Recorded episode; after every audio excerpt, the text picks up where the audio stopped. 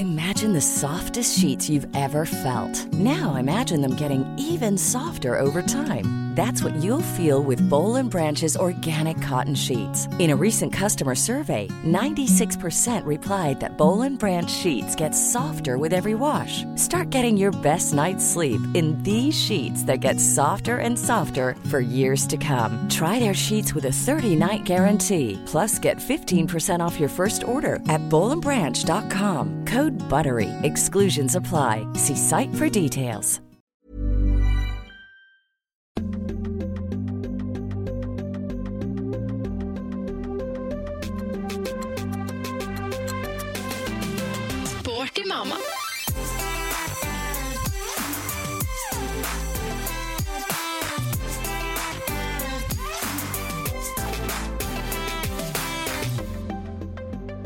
Yes, nå var det jaggu deilig å komme seg opp i høyden eh, over Oslo, Melina.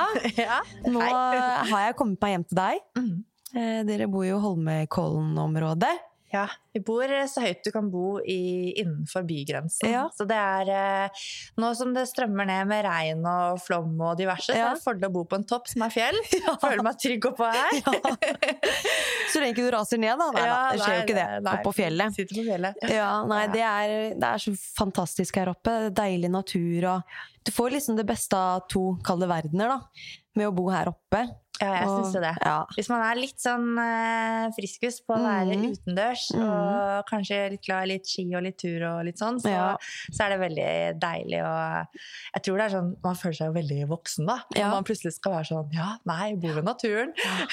Nå er det ferdig Det er ferdig jo er ikke sånn det var da man var 21. Nei, da er det liksom mest mulig sentrert i Ja. gryta, liksom. Og det er jo det. Vi har, jo, vi har liksom gradvis flytta oss lenger og lenger ut, Ja, og dere gjør jo det samme, dere Ja, vi gjør jo det. Ja, Nei, det, det er føles eh, riktig det å komme seg litt vekk etter hvert derfra. Men først og fremst da, tusen takk for at eh, jeg fikk lov til å komme hjem til deg da. Ja, det For var en bare koselig prat. rigge litt podstudio Ja, her. her har du rigga opp til meg og greier, og jeg har fått eh, nydelig cappuccino. Nei, det her er tipp topp, altså god start på dagen. Så bra. Ehm, det er jo en stund siden vi har prata nå. Ja. Jeg sjekka faktisk i podkasten. Når var du eh, For du har gjesta podkasten vår tidligere. Mm. Og det, det er nøyaktig faktisk ett år sia. Oi! Så sånn tida har ganske- Det var på høsten. Ja, jeg Det var i august i fjor. Nei, Da du du var inne og prata om utholdenhetstrening retta mot eh, graviditet og fødsel og sånn. Ja, årlig event, ja. Så det, det var på tide at eh, vi fikk deg inn igjen Ja, her, altså. Det må jo gå litt tid, så man har noe å prate om, tenker jeg. Ja, ja, ja, det er sant. Det, og det er jo skjedd en hel del siden sist, da. Mm. Nå sitter du her med en kule på magen. Ja, nå driver jeg og ruger på en bolle her Ja. som er eh, ferdig om noen uker. Så er bare noen uker igjen? Ja, det er, nå er vi jo i august, da, og så blir det oktober. Så da, da blir det en baby til i huset. Oktober, Eller ja. til, da blir det en baby i huset i tillegg Ja. til en treåring, da. Mm. Så det blir jo en omstilling og en endring. Mm. Det er å gå fra liksom én til to. Men eh, jeg støtter meg veldig på den, det, det folk sier om at det største overgangen er fra null Ja. til én. Eh, og det er ganske mange ting jeg kommer til å være ganske mye kulere og mer avslappet på nå. eh, Gang nummer to, selv om man får et helt nytt Mm. menneske inn. Jeg går jo Mm. egentlig i hodet mitt og tror at jeg skal få en kopi Ja, av han storebror. for det er nemlig en eh, Ja, det er en gutt. Det Ja. blir to dobbel gutt her, da. ja. Men eh, så må man jo tenke liksom på det at det kommer faktisk et helt nytt, unikt menneske med sin egen personlighet. ja, det er det det gjør. Det er jo det som jeg tror blir eh, mye omstilling. Ja, det blir jo det er jo like spennende for det, tenker jeg da. Ja, det er det. Åh, ja, nei, det er jo bare å glede seg. Så den, det er det jeg driver med om dagen. Ja. Ruging. Ruginga, og bare forberede deg mentalt og fysisk på det som skal skje. Nettopp. Ja. Men eh, de fleste lytterne vet jo hvem du er, det håper jeg og tror da. Eh, Sikkert ikke alle. Nei, det kan nok hende. Eh, og da er det jo alltid greit å ta en liten sånn rask presentasjon av deg Mhm. selv, altså de får blitt litt kjent med deg før vi går i gang med alt vi skal prate om i dag. Ja. Er du klar for det? Det er jeg klar for. Jeg er da en foreløpig ettbarns, snart tobarnsmamma eh, på 38 år, som jeg har rukket å bli. Det føles jo alltid sprøtt å si når man føler seg som 24. Men eh, ja, det er sikkert flere som kan relatere seg til det. Absolutt. Og eh, til daglig så jobber jeg som doktorgradsstipendiat på Norges idrettshøgskole. Mm. Tar doktorgrad i fysisk aktivitet og um, kommer sikkert litt inn på, men jeg forsker spesifikt på stillesitting og fysisk aktivitet. Eh, og så har jeg jo en bakgrunn som fysisk trener, så jeg har jobba mye med idrett, toppidrett eller, og eliteidrett for så vidt. Og eh, alt fra A til Å når det gjelder liksom helt pasienten som Mm. kommer rett ut av et sykehus, Mm. til den som er best i verden i det Ja. eh, han eller hun gjør. Så, så der har jeg jo på en måte fått mye sånn felterfaring da, gjennom Mm. å være fysisk trener i mange år. Ha utdanning, så er jeg idrettsfysiolog, eller treningsfysiolog som man kaller det mer nå for tiden.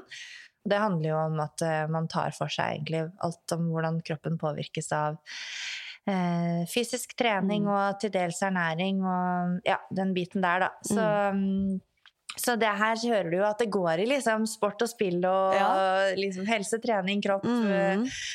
alt det der som eh, jeg tipper at det er ganske mange av lytterne som også syns er gøy og liksom befatte seg med på et eller annet vis. Da. Ja, ja, ja. Så, Det er jo tross alt sporty mamma som hører på her. er sporty mammas. Ja. Så det er jo ikke alltid sporty mammas føler seg som det heller, men det går, sånt, det går litt opp og ned for oss alle sammen. Men Mm. det er liksom Ja, så den interessen for eh, det som handler om både prestasjon, og det kan ta så mange former. Det, Mm. være liksom, det kan bety så mangt, Ja. men, eh, men også blitt veldig mye mer interessert i helse og folkehelse med Mm. de siste årene, da. Ja. Eh, Så, og fått mer kunnskap om det. Så det er liksom litt Jeg har beveget meg litt fra prestasjonsjobbing til mer folkehelseretta jobbing sånn, Mm. i det profesjonelle, da. Ja. Og på fritida. Ja. Den som har noe fritid. Jeg kaller nesten ikke trening for fritid heller, vet du, for det er liksom bare sånn Det, bare, det Det er en del av det som må skje. Ja, det er liksom en del av rutinen. Du tenker liksom Mm. ikke at å pusse tennene er fritid. Nei. Det bare er der. Mm. Så, men eh, da, jeg liker å bruke liksom all den tiden jeg har ekstra og til overs eh, på å være aktiv. Da. Og, Mm. Ja. Så jeg trener jo mot langrenn og løping. Mm. Eh, Man har en bakgrunn som danser, så Det jeg har liksom du. la, om, la om i tidlig 20, eller så, egentlig sent 20-årene, da, Ja. skader. Så jeg fant meg rett og slett en eh, ny idrett, ja, når jeg ikke Mm. kunne fortsette på det samme nivået på den jeg hadde.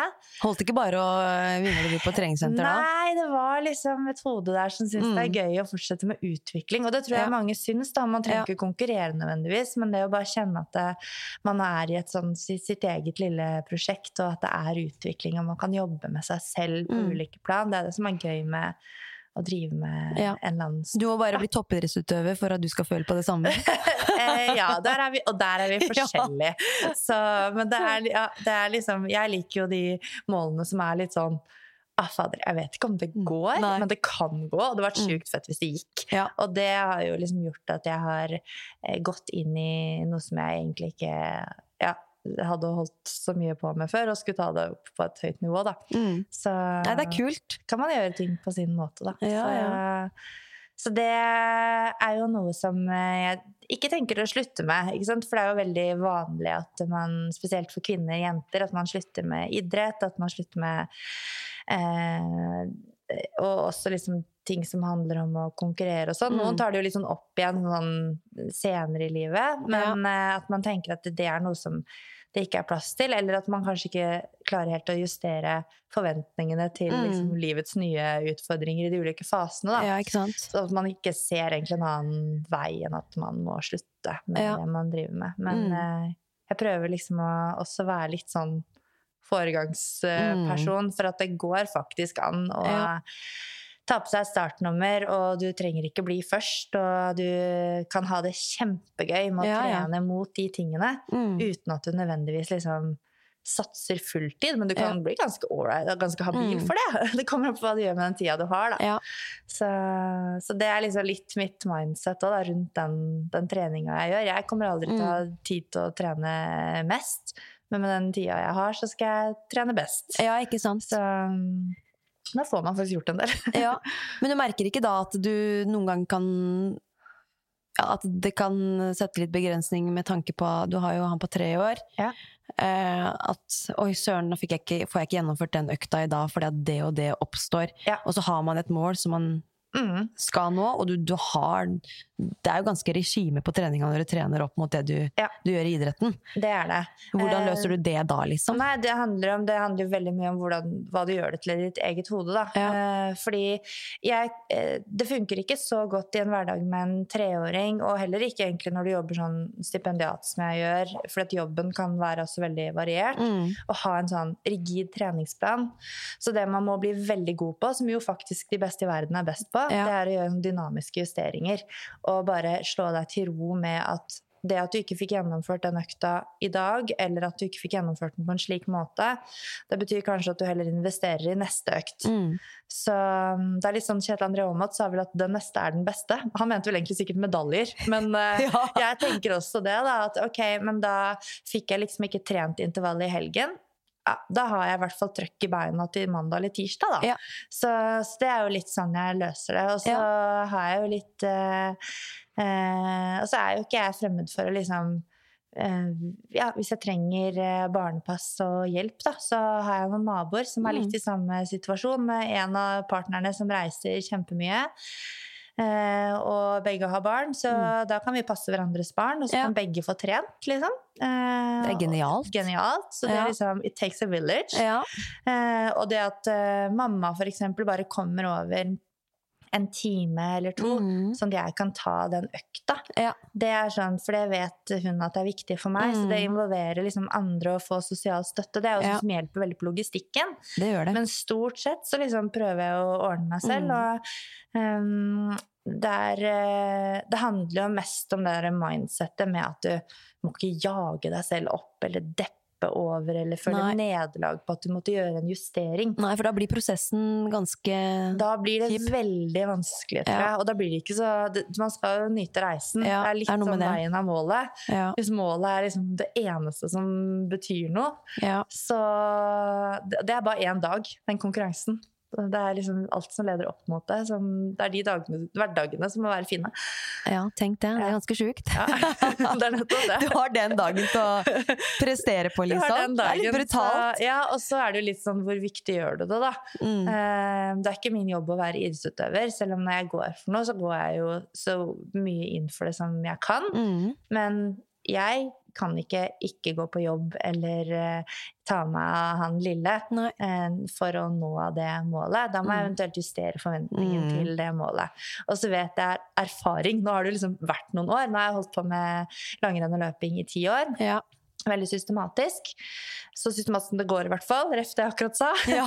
Eh, Men i hvert fall i en del år veldig systematisk. Mm. Og det er jo noe som jeg kan surfe litt på. Mm. Eh, og så hender det jo alltid med folk som ikke har barn nå, at man blir syk eller Ja. skada, eller livet skjer, eller eksamen og liksom, Ting skjer uansett om man har Mm. barn eller ikke.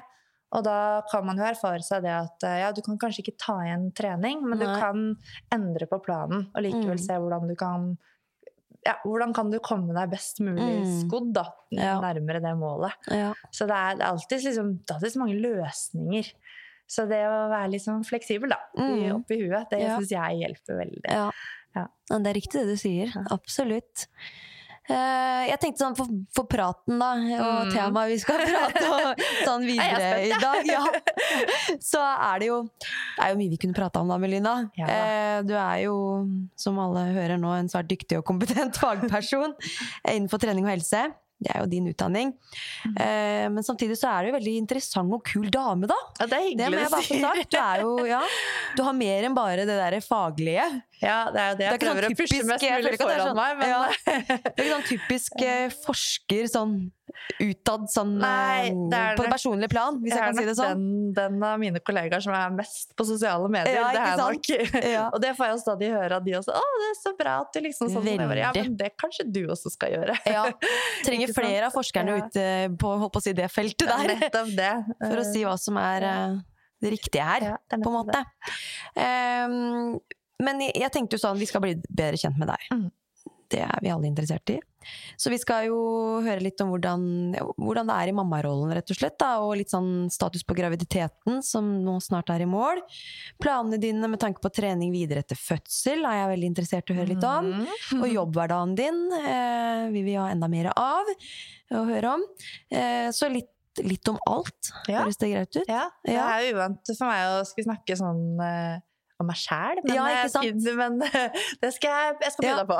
For jeg må jo nevne det også, du driver jo en podkast, Prestasjonsprat, Ja. Med mannen din. Mhm. Og der er, det, det er faglig podkast, ikke sant? Så du er ikke vant til å?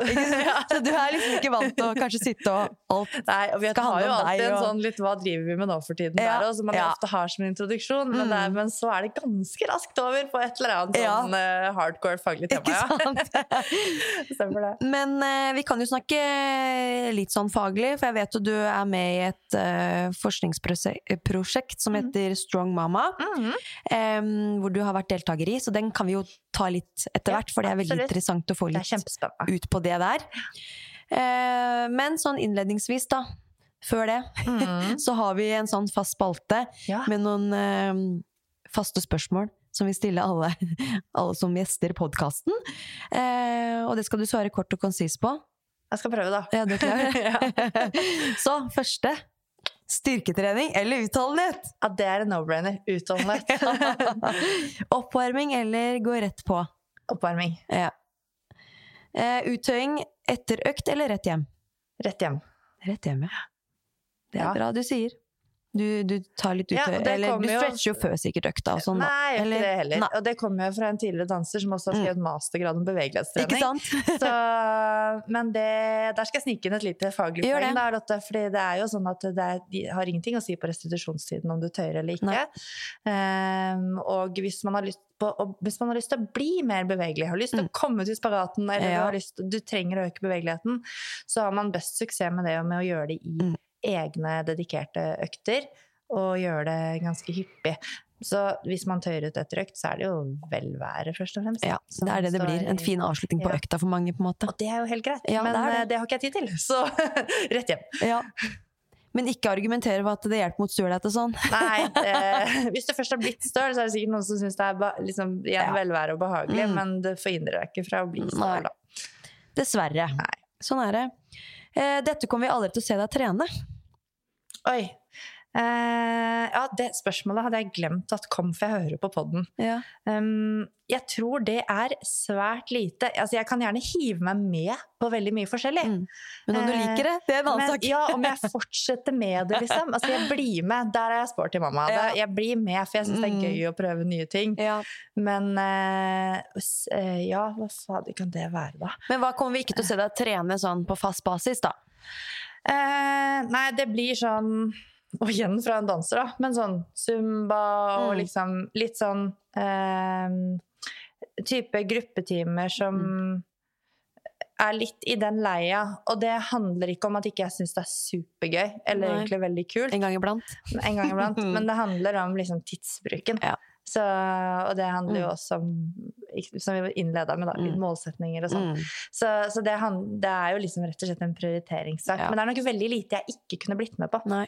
Mm. Men det er bra. Ok, så hjemmetrening eller studio, da? Åh, Helst studio, Mm. men jeg prøver å bli flinkere på hjemmetrening. Ja. Ja. Så nå eh, Du må venne deg litt til det nå. med Ja, nå må det med perm og og alt. sånn. eh, Og vi bor på en topp. Det er liksom eh, Det er litt pes å dra seg ut. Det tar Mm. liksom like mye tid å ta økta som å dra til treningssenteret og tilbake. Så det skal rigges et eh, greit hjemmegym nede i kjelleren her, skal jeg love deg. Ja. Har dere noe allerede, eller? Ja, vi har jo mølle og litt Ja, sånn eh, løsøre, holdt på å si, som kettlebells og diverse Mm, sånn. Men eh, det skal opp noe gulv og noe rigg og noe sånn. Så det, og det er liksom viktig for meg. Det, det er en, en utleiedel, som alle andre nå i Oslo. ikke sant? De ordner opp utleiedeler fordi nå tjener man så godt på det. Mm. Vi har gjort motsatt. Kicka ut et kjøkken for at her skal fru få trene. Så det er liksom der prioriteringen ligger. Men jeg vet for at det er Jeg går inn i et år Mm. hvor det blir mye å være hjemme, Ja. da. Og da, da tenker jeg Da må det være tilrettelagt, det er rett og jeg villig til å Ja, bruke, ja, det, bruke altså. midler og plass på. Ja, det Mm. skjønner jeg godt. Ok, så neste spørsmål. T-skjorte eller singlet? Singlet. Ja. Sjokkis eller potetgull? Sjokolade. Mm. Mm. Og så hva spiste du til frokost i dag, da? Jeg vet at du er litt morgenkvalm, men Ja, um, det er veldig ofte jeg faktisk ikke spiser frokost, men nå i graviditeten så er jeg helt avhengig av det. ja. Uh, og i dag så ble det en eh, brødskive fra, med brød som er sånn Baker Hansens speltbrød, fjonger meg til der, Mm. med leverpostei og avokado. ja. Mm. Den, kommer har ikke Avokado oppå leverpostei. Det Ja. har jeg aldri Nei, den eh, var det, så jeg noen som hadde en gang. Ja. Så tenkte jeg sånn Det høres digg ja, men avokado passer jo med det meste. Ja, det gjør jo det. Går til det alt, Ja. Ja. Så pimpa opp leverposteien. Rett og slett. Herlig. Ja, men det var de eh, innledningsspørsmåla. Ja. Da går vi rett på mammarollen, da. ja. Ja.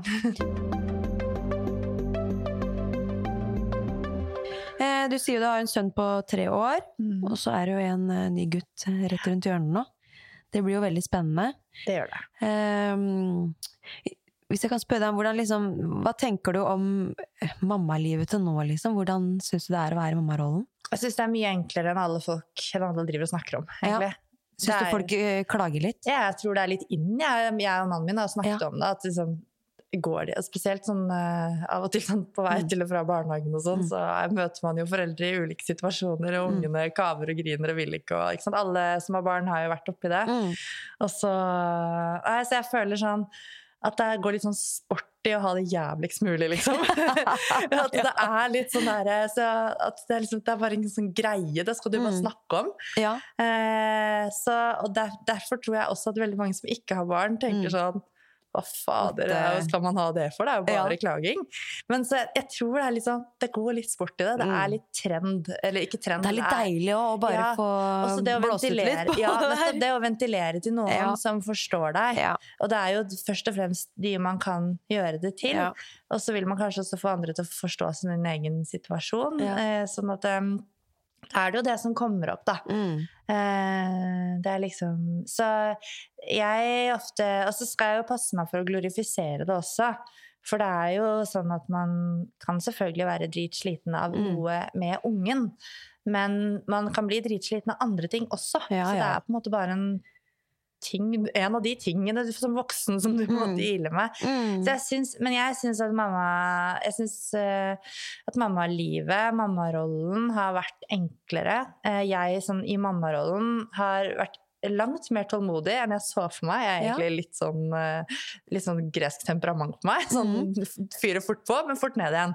Men, eh, men med han lille så er det liksom da, da har jeg noen områder som jeg liksom overrasket meg selv på. At jeg Mm. kan faktisk Høyere være toleranse, liksom? Ja, og tålmodig. Og liksom, Ja. Fordi jeg vil jo at han skal bli en person som er flink til å regulere seg selv emosjonelt. Og da Mm. nytter det ikke at jeg fyrer meg opp, liksom. Og, Nei.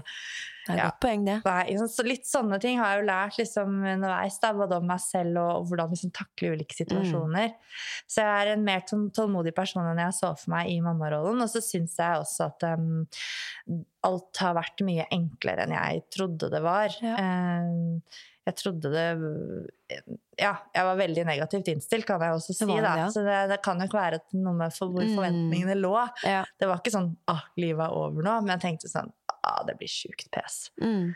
Og så har det liksom gått veldig greit. Mm. Nå er vi i treåringsfasen. Det er jo en sånn, Man kaller det for trassalderen, men det Mm. handler jo om de er jo, prøver jo ikke å være trassige, de bare klarer ikke å regulere seg selv helt. Nei. Og det byr jo på liksom mer frustrasjon enn en de der babymånedene og Mm. baby, de to babyårene, syns jeg. Um, men der igjen så handler det jo veldig mye om at det er jeg, det er jeg som er den voksne. Mm. Og det må jeg huske på. Ja. Jeg må ikke liksom komme ned på hans nivå og bli trassig, jeg òg. Og det er klart det er sånn Man teller til ti litt Ja. innimellom. og Det- puster litt med magen Mm. og litt sånn. Men uh, likevel, altså det, Jeg syns det har gått overraskende bra. Og, men jeg driver jo fortsatt og hører sånn 'bare vent'. Ja. Det er jo en klassiker Ja. eh, som alle får høre. Og jeg had, har en da jeg ble gravid første gangen, så sa jeg til en venninne at ah, jeg kjenner liksom sånn Jeg gruer meg litt til hele greia. Er ikke, det er ikke sånn jeg går og gleder meg så veldig, for jeg syns liksom det er så mye negativt. Men det er jo det du får Eh, høre, da. ja, det er Overalt. Bare grua til Å, her Ja, var at det alle er så slitne, Ja. og det er så helvete å ikke få sove. Mm. Ja ja, det er jo slitsomt, men altså, hallo. Ja. Det, det er, går i faser. Bare og- vent. ja, men bare vent. Ja. Så da sa hun liksom sånn at um, eh, Nei, men Melina, du, du finner ut av det, liksom. Du må bare, det er det du må tenke, Loen. Det, her- det her finner jeg ut av.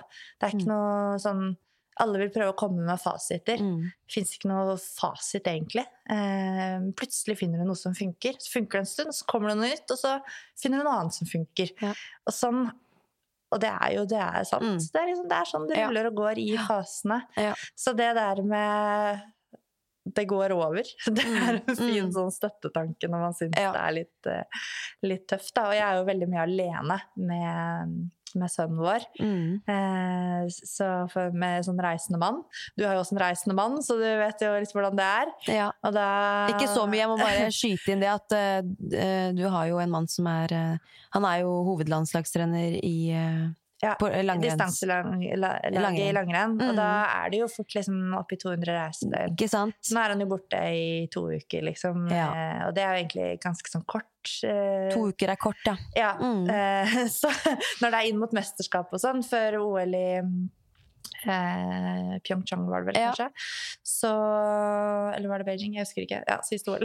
Mm. Det er mom brain, eller pregnancy brain her. Men da var den borte i åtte uker, liksom. Ja. Da er det sånn korona, var det koronaboble, og så pre-camp, og så var det faktisk mesterskapet som varer tre uker, og så, så er det liksom Åtte uker, det er lenge. Ja, det var litt over to måneder alene.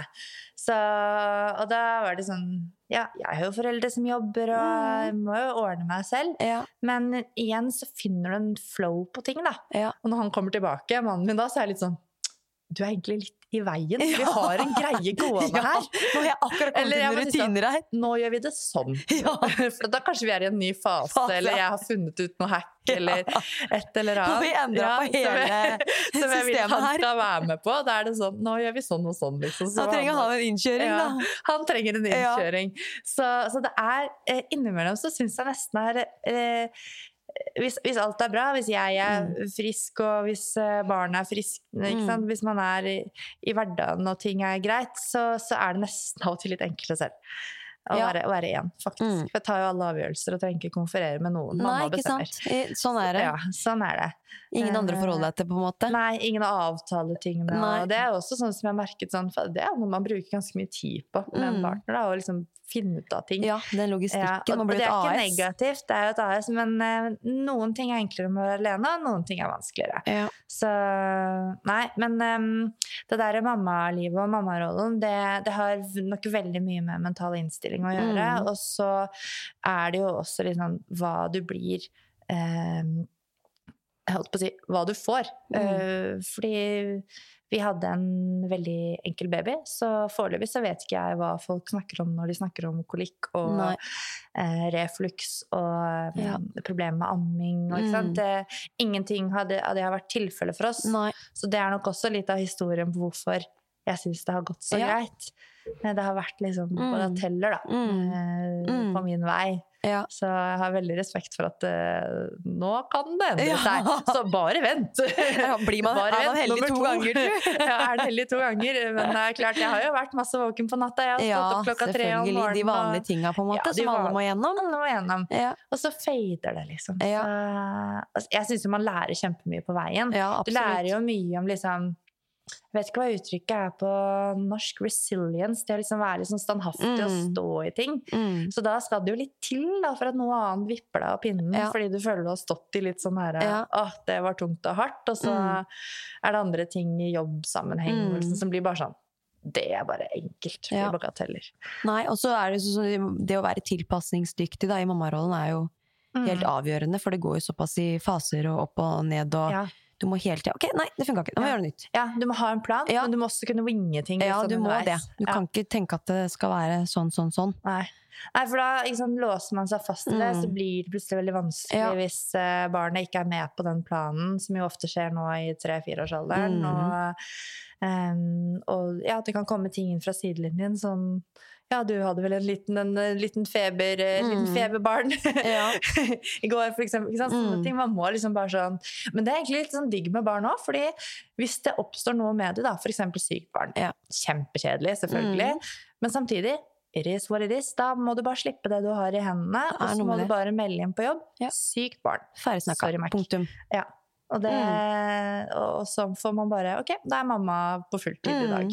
Og det, Legge det syns jeg også er litt eh, deilig å kunne Liksom, det er en ordentlig legitim grunn da, Mm. til at du går liksom Mm. all in Ja. med barnet den, den dagen. Eller jeg føler i hvert fall Ja. det. da. Jeg prøver ikke da å jobbe masse samtidig. Og, Og da går ikke huet ditt i høygir og alt mulig annet Nei, du skulle gjort på jobb bare og andre ting. ja, det er ingenting som er viktigere. Da er liksom. tida liksom stoppa litt opp, kanskje. Mhm, den gjør egentlig Ja, det. bare hold.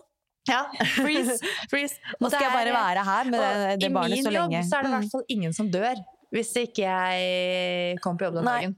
Det er litt godt å vite. eh, Ja.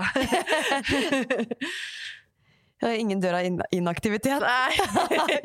ja, det kan kanskje kan på diskuteres. sikt, på sikt, men På ikke i dag. ja.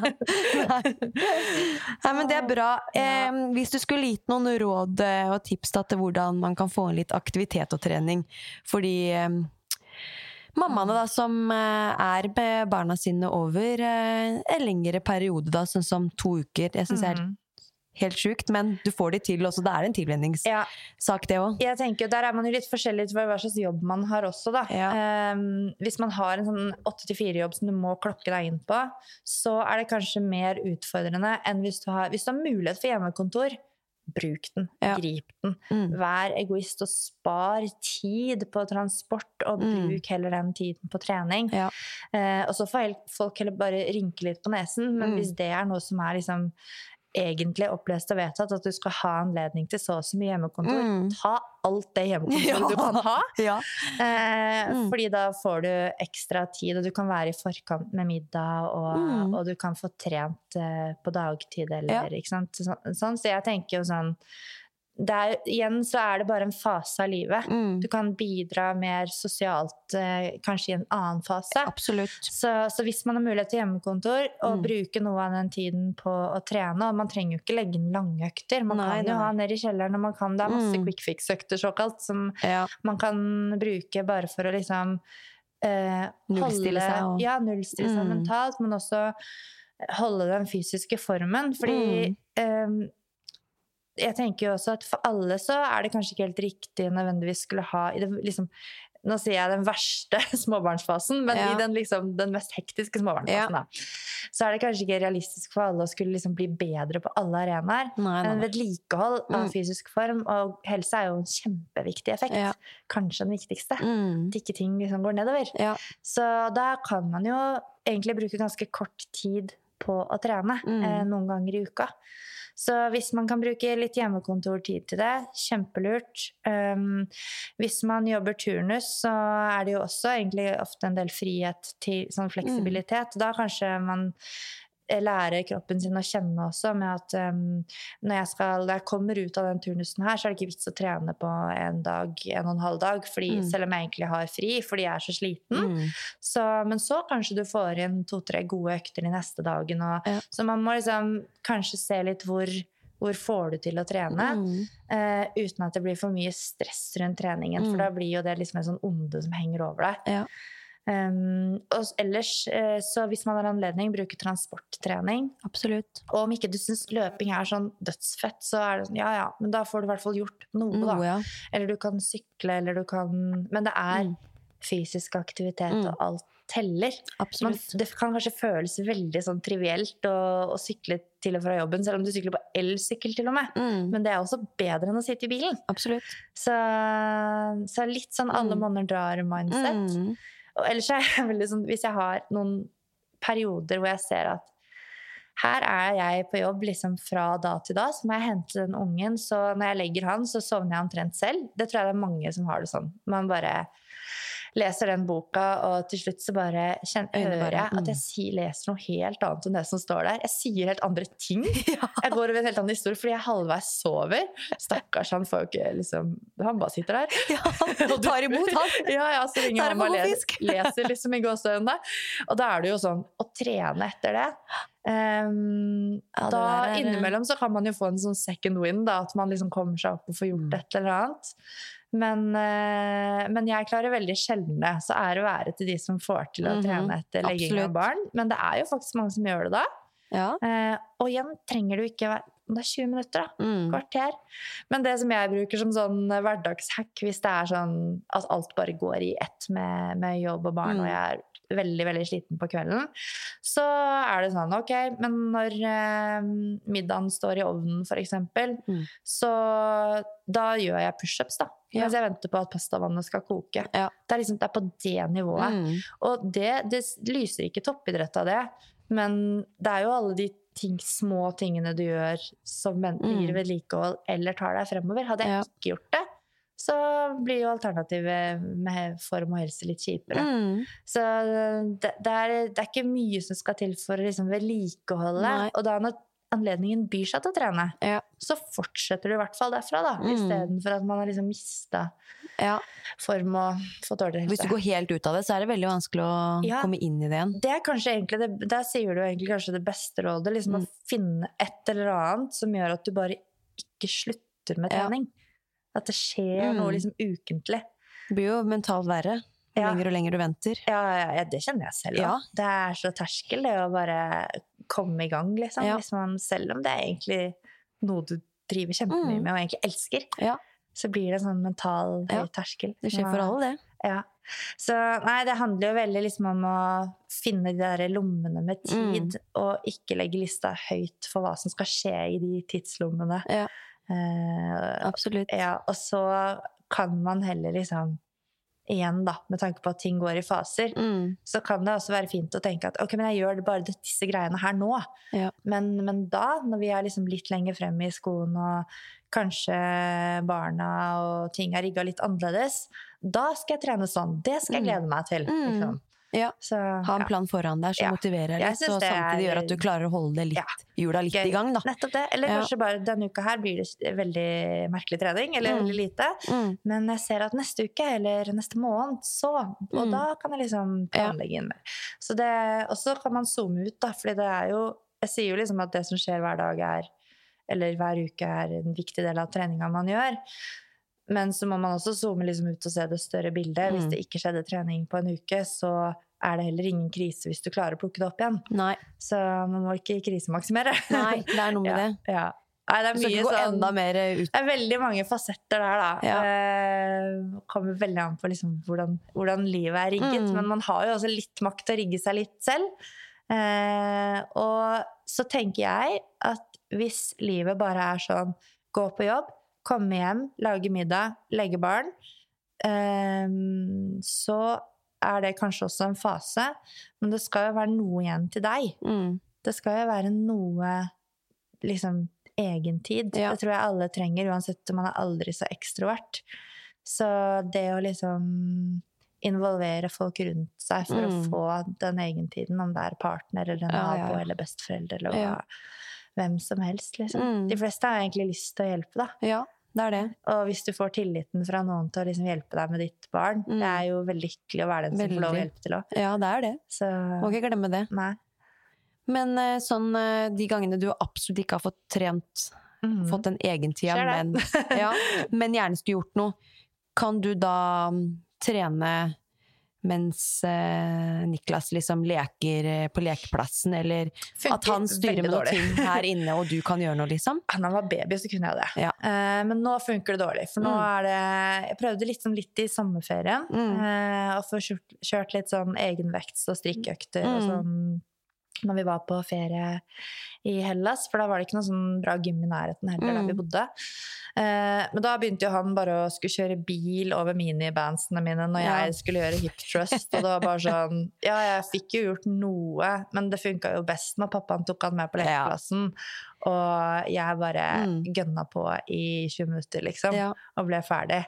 Så, Men har man et barn som er litt flink til å styre for seg sjøl, da, Ja, og kan sitte en halvtime og Mm. pusle med noe på det kan gulvet, egentlig han så her òg. jeg- er kjempeflink å leke selv, men Ja. idet jeg begynner med noe så er det mer spennende. Ja. Og, og, men han er også veldig morsom. Han er jo stakkars ganske greit miljøskada, som uh, er litt sånn Hvis mamma gjør pushups, skal han Mm. også være med og gjøre Ja. pushups. Og det er jo Er det bra, fint. Ja. Men uh, det blir liksom uh, Ja, det blir, det blir ikke like bra. Men Nei. det blir jo noe. ja, det er noe med det. Så jeg synes akkurat den fasen vi er i nå, syns jeg kanskje er vanskeligst. Og jeg, jeg klarer ikke sette han foran TV-en for at jeg skal trene. Altså jeg bare, Der er ikke jeg. Jeg klarer ikke det. Eh, og det hadde funka, Mm. fordi de blir jo slukt av Ja, de skjermene. Det er noe med det. Men, eh, men det klarer jeg bare ikke. Eh, sånn at eh, Får meg ikke til det. Så det, det kan du si at ja, men da er det kanskje ikke viktig nok for deg. Nei, men da, da bare finner jeg et annet sted Mm. å gjøre den treninga, da. Ja. Så, men det er jo absolutt en mulighet. Mm. Kjære vene, det går jo an å putte ungen en halvtime foran en skjerm for at du skal få Barne-TV eller et eller annet. liksom. sånn. Mm. Eh, og kanskje velge noe som er litt sånn passelig pedagogisk og Ja, hyggelig. Det er noe med Så kanskje alle lærer noe. Nei, det er noen som bare får det til da, med barn som leker, og så kjører man på med noe. Ja. Det er jo høres jo så fint og flott ut, men så er det litt vanskelig å få til i praksis. det er ikke alltid det, det klaffer. Det, det kan også bare være at jeg har gitt det litt for liten sjanse, da. Ja. Eh, At jeg kanskje skulle prøvd litt mer og Tom Mm. skjønne at jeg leker her, og så leker du der. ja, for det tar jo litt tid før Ja. barna skjønner at nå skal mamma gjøre sin greie, Ja, så skal jeg gjøre min greie, liksom. Så, men det blir aldri Det hender jo at jeg gjør litt øvelser ved siden av, men Mm. det blir aldri sånn det jeg ville kalt en, en hel økt. Nei. Men igjen, da. Men det kan jo komme, da. Sånn som når han blir fem og seks år, og så, tror jeg ting vil kanskje se annerledes ut. Absolutt. Men da har du en annen, da. Så, Da har jeg en annen. Som ruller, over mine En band annen liten torpedo som fyker rundt. er vi like langt? Herregud. Ja, ja, nei da, det er alltid noe, men eh, ja, hver liksom lille, hvert lille sett man får gjort da, av en Mm. liten øvelse, jeg syns det gir meg en god følelse. Ja, enig. Det skal, skal lite til. Mm. Det hadde vært kjipere følelse å ikke tatt de sidehevene eller de pushupsene, Ja. liksom. Men da igjen, da, hvis du har et fast program som du gjerne skulle kommet igjennom, Ja. sånn som du har når du jobber mot de målene du har, Mhm. Og du bare får snust litt på oppvarminga eller et par eh, Ja. sett, og så Nei, da var den planen Ja. til side for i dag. Og da kan du jo velge å tenke at det Ja. er krise, Mm. eh, fordi du vet det du vet om trening. Eller du kan velge å tenke at ja, men fint at jeg fikk gjort noe, da, for det hadde Ja. vært kjipt å få gjort null. Mm. Så det, ja, det sitter så mye i Det sitter i hodet. Ja, veldig. Mm. Ferdig snakka. Men hvordan ser en sånn typisk dag ut for deg nå, da, med tanke på jobb og gjøremål og trening og sånn?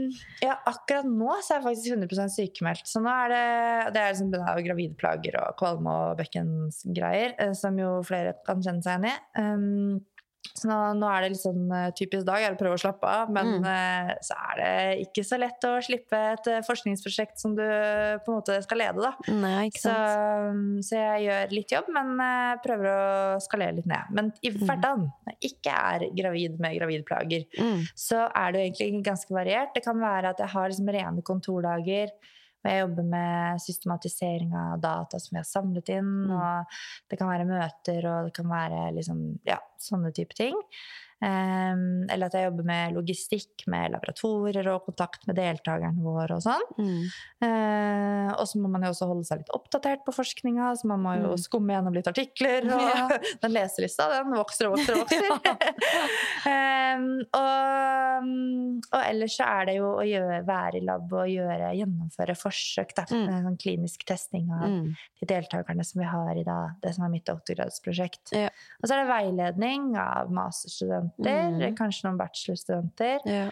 De skal ha hjelp med sine oppgaver, Mm. og veiledning til det. Og ja, det kan være litt undervisning. Det, Mm. som, det, det kan være veldig variert, da. Ja. Men for min del så er det som prøver å ha mest fokus på ting som jeg skal få unna på kontoret, og test, gjennomføre testing. Mm. Det er der jeg er nå. Så kommer det en fase litt sånn etter perm og sånn, hvor det er, da skal jeg skrive veldig mye. Mm. Da skal jeg liksom rapportere og skrive forskningsartikler og komme ut med det vi har funnet ut. Mm. Så, så det er det som er gøy med en sånn stipendiatjobb, er at Mm. du, det går i faser det òg, akkurat som med barna. Ja. Det er, ikke sant? Man planlegger å kanskje bli gravid, man planlegger et forskningsprosjekt. Det er en liten baby, det òg. Og så setter du den babyen til livs, og så Mm. kommer prosjektet i gang, og du skal, skal finne ut av noe. Da må du samle inn masse data, og så Mm. har du gjort det, og så må du titte på det og se hva har vi her. Ja. så, og så skriver man det, da. Men, um, så, så det, liksom, det går også i faser, da. Så jeg er vel offisielt sett på sånn siste året av doktorgraden. Um, og, men ja, det blir jo perm og litt sånn først, da. Mm. Og så er det jo sånn at det er ingen som blir ferdig med doktorgradene sine til holdt avtalt tid, fordi det er altfor mye jobb. Så Ja. det må man jo også tenke litt på hvis man har tenkt å gå forskerveien. Ja. det er en jobb du kan gjøre. Må smøre deg litt med tålmodighet der òg. Ja. Så, så, men sånn er det bare. Mm. Eh, Jeg syns det er gøy å jobbe med, så det gjør ikke noe.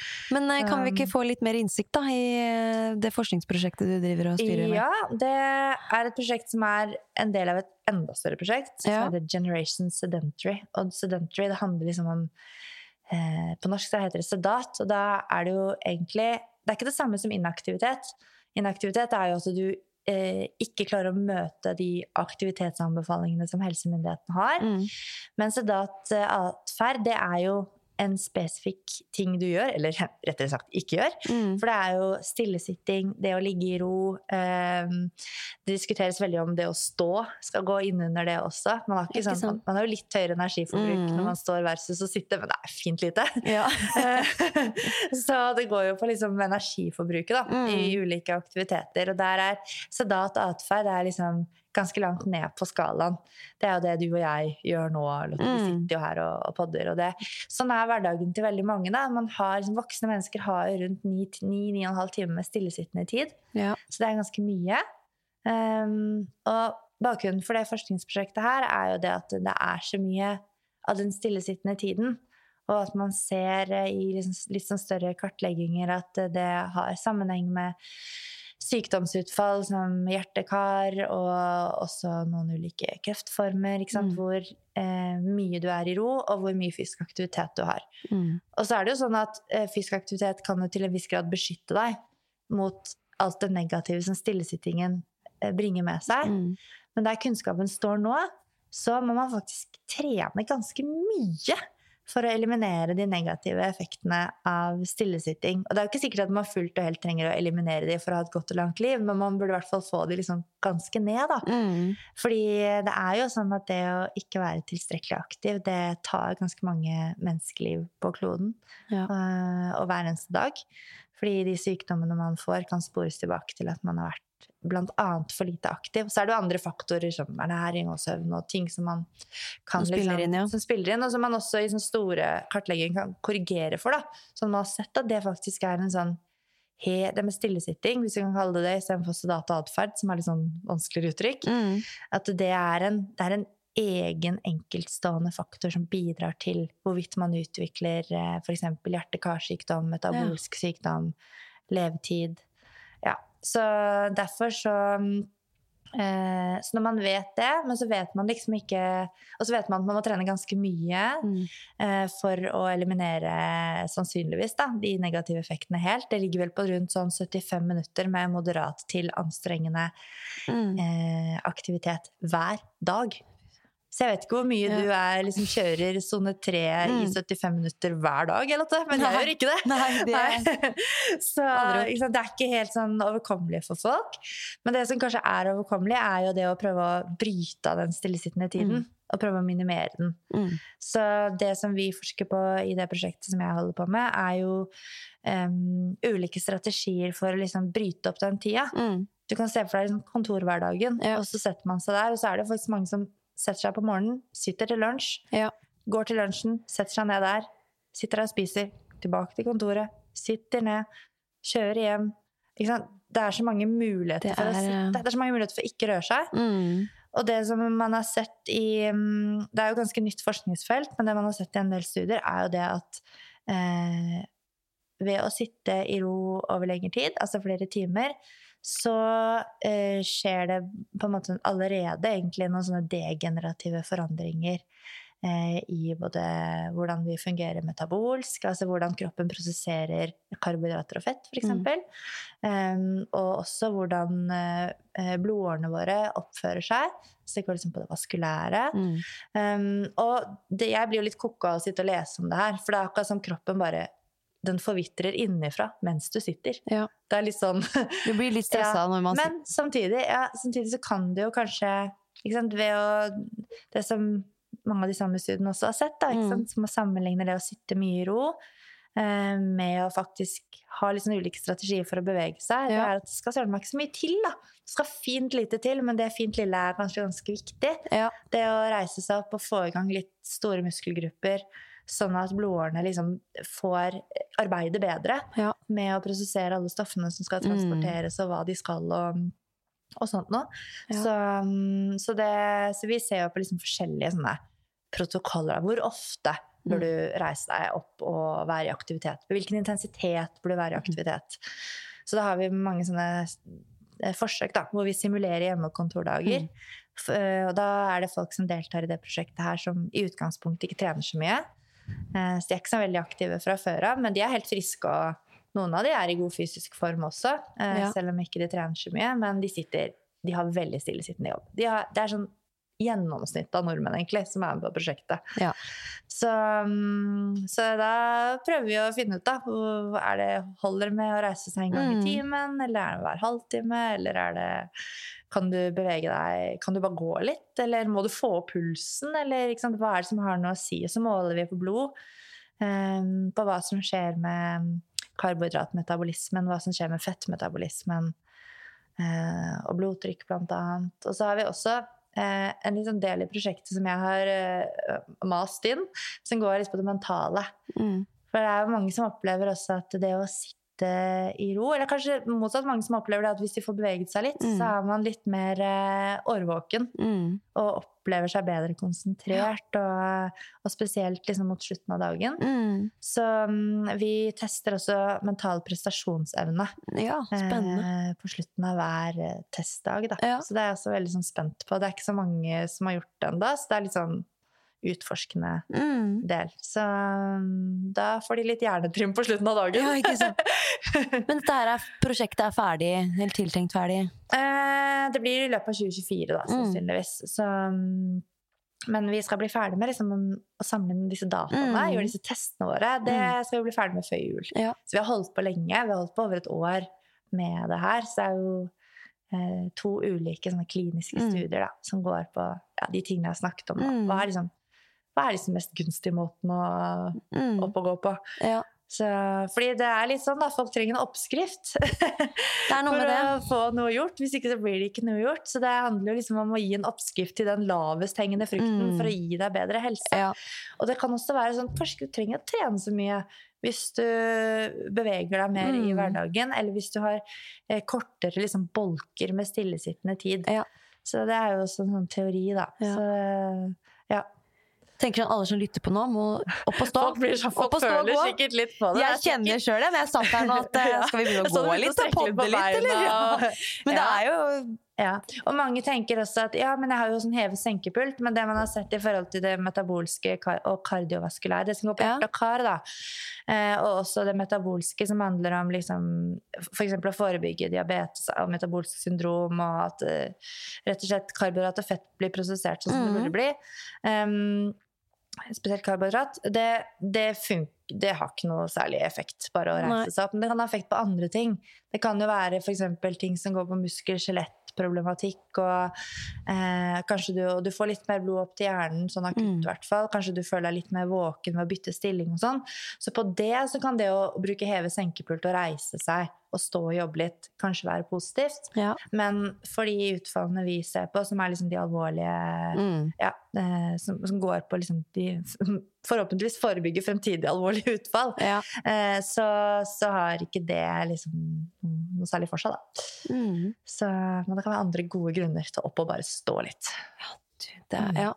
Nei, det er så viktig at noen tar tak i dette her og Ja, og så Finner gleder ut jeg av det, meg til å se hva vi finner ut av. Da. Det Ja. kan jo være også at vi finner ut at det har ikke så mye å si hva du gjør, bare du gjør noe. Jeg håper jo nesten det, men da blir det Mm. samtidig vanskelig å komme med en oppskrift. Men igjen så kan det bli lettere å bare gi noen en oppskrift da, si Mm. det her funker bedre uansett, sammenlignet med å sitte stille. Ja. Så mm. vi får se. Ja, vi får se. Du får nok svaret på det. Da skal jeg be deg inn igjen. Ja da, da jeg komme, og- komme vi en liten oppdatering ja. i poden. Ja, men Det er bra, Melina. Da mm, må vi snakke litt om deg igjen, da. Ja, det vi, vi har, jeg har mye jeg skal gjennom her nå, skjønner du. Ryan Reynolds here from Mint Mobile. With the price of just about everything going up during inflation, we thought we'd bring our prices down. So to help us, we brought in a reverse auctioneer, which is apparently a thing. Mint Mobile unlimited premium wireless. Ready to get 30, 30, bit to get 30, bit to get 20, 20, 20, bit to get 20, 20, bit to get 15, 15, 15, 15 just 15 bucks a month. So, Give it a try at mintmobile.com slash switch. $45 upfront for three months plus taxes and fees. Promo rate for new customers for limited time. Unlimited more than 40 gigabytes per month. Slows. Full terms at mintmobile.com. Since 2013, Bombas has donated over 100 million socks, underwear, and t-shirts to those facing homelessness. If we counted those on air, this ad would last over 1,157 days. But if we counted the time it takes to make a donation possible, it would take just a few clicks. Because every time you make a purchase, Bombas donates an item to someone who needs it. Go to bombas.com slash ACAST and use code ACAST for 20% off your first purchase. That's bombas.com slash ACAST, code ACAST. Hvordan, eh, Sikkert mange som syns det er litt interessant å høre litt om eh, hvordan du har trent under den graviditeten her. Ja. Og hvordan ting ser ut nå, og litt sånn Mhm. status på treninga. Ja. Eh, akkurat nå nå sa jeg jo nettopp at jeg var sykemeldt og sånn, men, eh, og det har jo med at jeg har fått litt sånn Idet jeg bikket inn i tredje trimester, så ble jeg veldig mye kvalm igjen. Mm. Men det har ikke forhindret meg fra å trene. Det er akkurat de minuttene hvor jeg har trent, hvor jeg ikke er kvalm og føler meg bra. Kjenner Så meg det har vært veldig fint. Eh, og så, eh, i løpet av de siste eh, 48 timene, så har noen skikkelig bekkenleddsmerter presentert seg. Så nå har jeg gått fra å være sånn hun høygravide som driver og løper rundt og trener eh, og styrer på, Mm. til hun som liksom nesten ikke klarte å rigge opp det podstudio her i dag. Det er veldig stor Ja, overgang var for meg. Ja, så det er noe annet. Men eh, det har, dette har kommet såpass akutt at jeg har jo tro på at det kan eh, bedre seg med litt behandling og litt tiltak. Ja. Da. Ellers så blir det mye biceps curl. Ass. Det er, eh, Ah, og det, der, er- ikke sant, der har jeg jo litt sånn Nå begynner jeg liksom i den enden vi er i nå, da, Mm. med treninga. Men der tenker jeg ok, da har jeg bekkenleddsmerter. Jeg kan nesten ikke gå. Det var pain å gå til barnehagen i dag Mm. tidlig. Og det er veldig sånn Mamma har vondt i ryggen, mamma kan ikke leke. det er helt der. ja. Um, men jeg kan jo sitte og løfte på ting. Jeg kan Ja. gjøre rotasjonsøvelser. Mm. Jeg kan trene skuldrene mine, jeg kan trene Mm. ryggen, jeg kan trene magen. Kan, det er masse jeg kan gjøre. Ja. Eh, så Mer sånn Liksom- stasjonære apparater og sånn, da. ja, er og om jeg i det hele tatt kommer meg på treningssenter, er ja, det det. tror jeg nesten ikke. Men, eh, men liksom, det er uansett noe greier man kan gjøre. Ja. Eh, det forhindrer meg ikke fra å gjøre en pushup, da. Så, så der er liksom, det er det som jeg må ta tak i nå for å ikke bli en deppa person. Ja. er Hva er det som faktisk Mm. Og også så er jeg jo ekstremt takknemlig for um, Jeg har jo hørt fra mange som bare sånn Nei, men jeg hadde det sånn fra uke sju, gikk på krykker fra uke sju i graviditeten.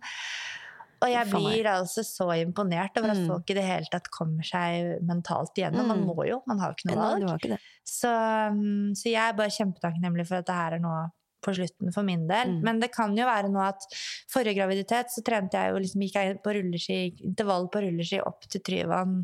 Liksom, gikk liksom 300 høydemeter på rulleski samme dagen som fødselen helt vilt. begynte. Det er ikke sikkert det skjer i år. Nei. Det har jeg skjønt nå.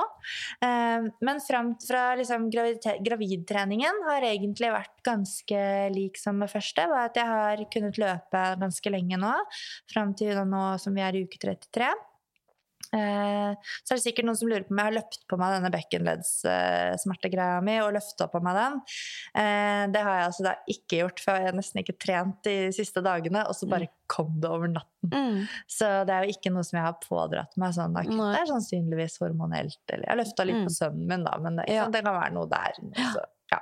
så, så det her står jeg veldig godt i, at jeg liksom har trent eh, egentlig med å løfte vekter og eh, løpe motbakke, primært. Um, og egentlig mye sånn gogg, sånn gå-jogg. Mm. Eh, og så eh, går jeg jo på rulleski. Det er kanskje det som føles mest sånn ut som den Når jeg, når jeg går på rulleski, så føler jeg meg mest som en vanlig person, ikke en gravid person. Det er den treninga som er sånn at dette er likest sånn som det pleier å være. Du kjenner ikke tyngden på samme måte, kanskje? Nei, eller? jeg går jo sikkert helt teknisk annerledes, Ja. men, men jeg får ikke liksom kynnere på samme Nei. måten som ved løping. Jeg er jo en som har kynnere nesten uansett hva jeg gjør med Ja. fysisk aktivitet. og Men sånn får du det når du stryker deg over magen og sånn, at den spenner seg? Liksom. Eh, nei, Det er ikke så bare sensitivt. fysisk aktivitet. Mm. Ja.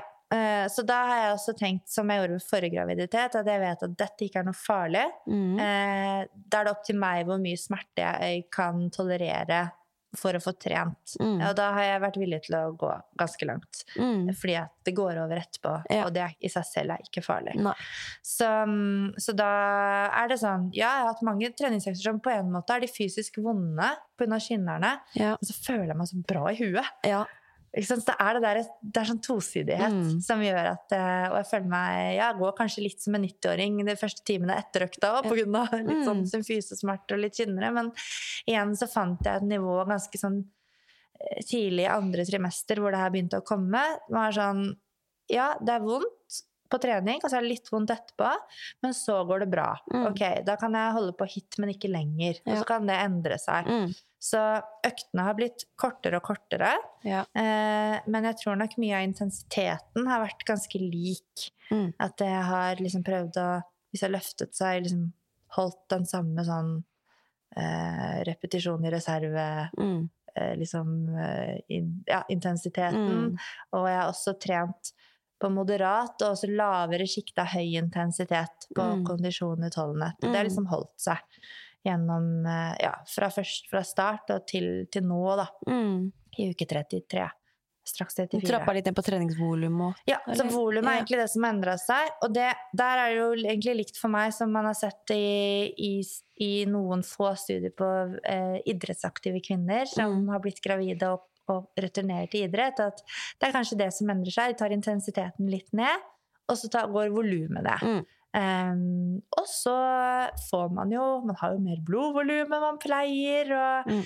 man bærer også med seg litt mer vekt. Så det, de to tingene sammen kan gjøre at du kan faktisk få en liksom gunstig effekt av å bare fortsette å trene, selv om du trener mye mindre og føler Yes. kanskje ikke at du gjør så himla mye. Mm. Men du får med deg noen gode effekter for det. Da. Så det syns jeg er veldig godt å tenke på Mm. når jeg liksom kjenner at åh, nei, men i dag så blir det bare 45 minutter istedenfor en time, eller en halvtime istedenfor 45 Mm. minutter, eller Mm. ja. Så det er igjen, da, liksom å avfinne seg med tingenes Mm. tilstand. Men det har gått egentlig veldig fint å trene ganske tradisjonell styrke og utholdenhet fram til nå. Mm.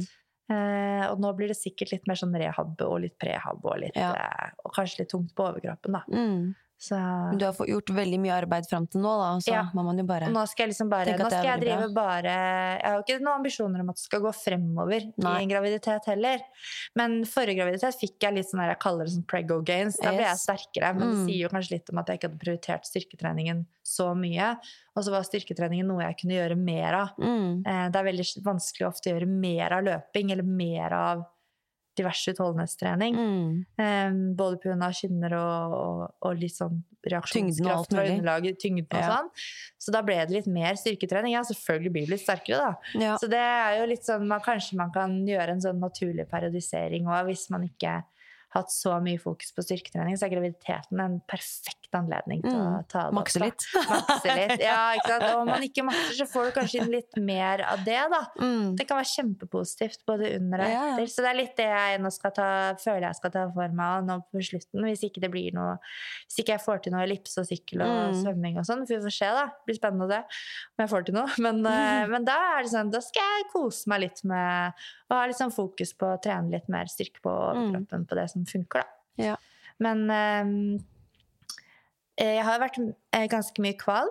Eh, ikke kasta sånn opp. Det er ikke sånn hyperemesis, noe sånn Nei. ekstrem. Men Og jeg har noen ganger også blitt liksom kvalmere idet jeg setter i gang økta. Men så har det liksom gått gradvis over. Noe jeg har tenkt på ganske mye, er Mm. at jeg har tenkt at det må da være mange der ute som ikke får seg på trening i det hele tatt av den kvalmen. Ja. Og kanskje også hvis den stiger, ja, kanskje også hvis den stiger litt i oppstarten. Eh, at eh, dette er bare en sånn teori jeg har. Da, ikke sant? For alt som er liksom vondt eller slitsomt med kroppen, hever jo terskelen for å være aktiv. Mm. Men i hvert fall for meg, og også flere som jeg har snakket med, spesielt på Instagram også, har vært sånn Ja, men bare jeg kom meg liksom på den aktiviteten Mm. eller økta, og bare jeg kom meg gjennom det første Mm. kvarteret, så bare fikk jeg en pause fra kvalmen. Ja. Så nå sier ikke jeg at liksom folk må gjøre det, men det kan jo være skikkelig verdt å prøve, da. Burde nesten det. Ja. Så får du litt andre ting å tenke på. Du konsentrerer deg om det du skal gjøre av øvelser. Ja. Og ikke minst å også den. Hvis man klarer liksom å komme seg gjennom det første kvarteret, Mm. da får man i hvert fall kjent da, det blir Ja, noe bedre. gi det et kvarter. Ja, og blir det ikke noe bedre, og så har man liksom prøvd. Men, men det at det er en sånn, du må gjennom en sånn greie Mm. før det føles godt. Ja. så og da åh, Det er jo så deilig sånn Mm. mentalt etterpå. Hvis Ja. man er, Ja. Det er litt sånn naturlig overgang fra oppvarming til hoveddel noen ganger òg. Det er det uansett. Ja, du må omstille deg, og du får litt innbytterpuls. Og det Ja. er ikke alltid like, like moro, liksom. Men det er rart når man er gravid, for man har en sykdomsfølelse i kroppen uten Ja. å være syk, og så skal man liksom trosse den for å være aktiv og for å gjøre Så hverdagen. det bare helt rart. rart. Mm. Uh, Men eh, jeg vil i hvert fall melde at for meg var det veldig verdt å bare komme seg gjennom de første minuttene der, og så Mm. ble det godt. Ja. Ja. Jeg har jo sett deg på mølla, du, det forskningsprosjektet du er med, så måtte Ja. du jo løpe blant annet. Mhm. Var det VO2max-test du tok? Nei, det er ikke VO2max-test. Det får man nok ikke godkjent sånn Nei. etisk å gjøre på gravide. Men de har lagt opp det som vi kaller for submax. Så de har, Mm. det de har satt opp i protokollen sin, er en veldig klassisk intervall, som er fem ganger fem minutter. mm. og så pauser imellom.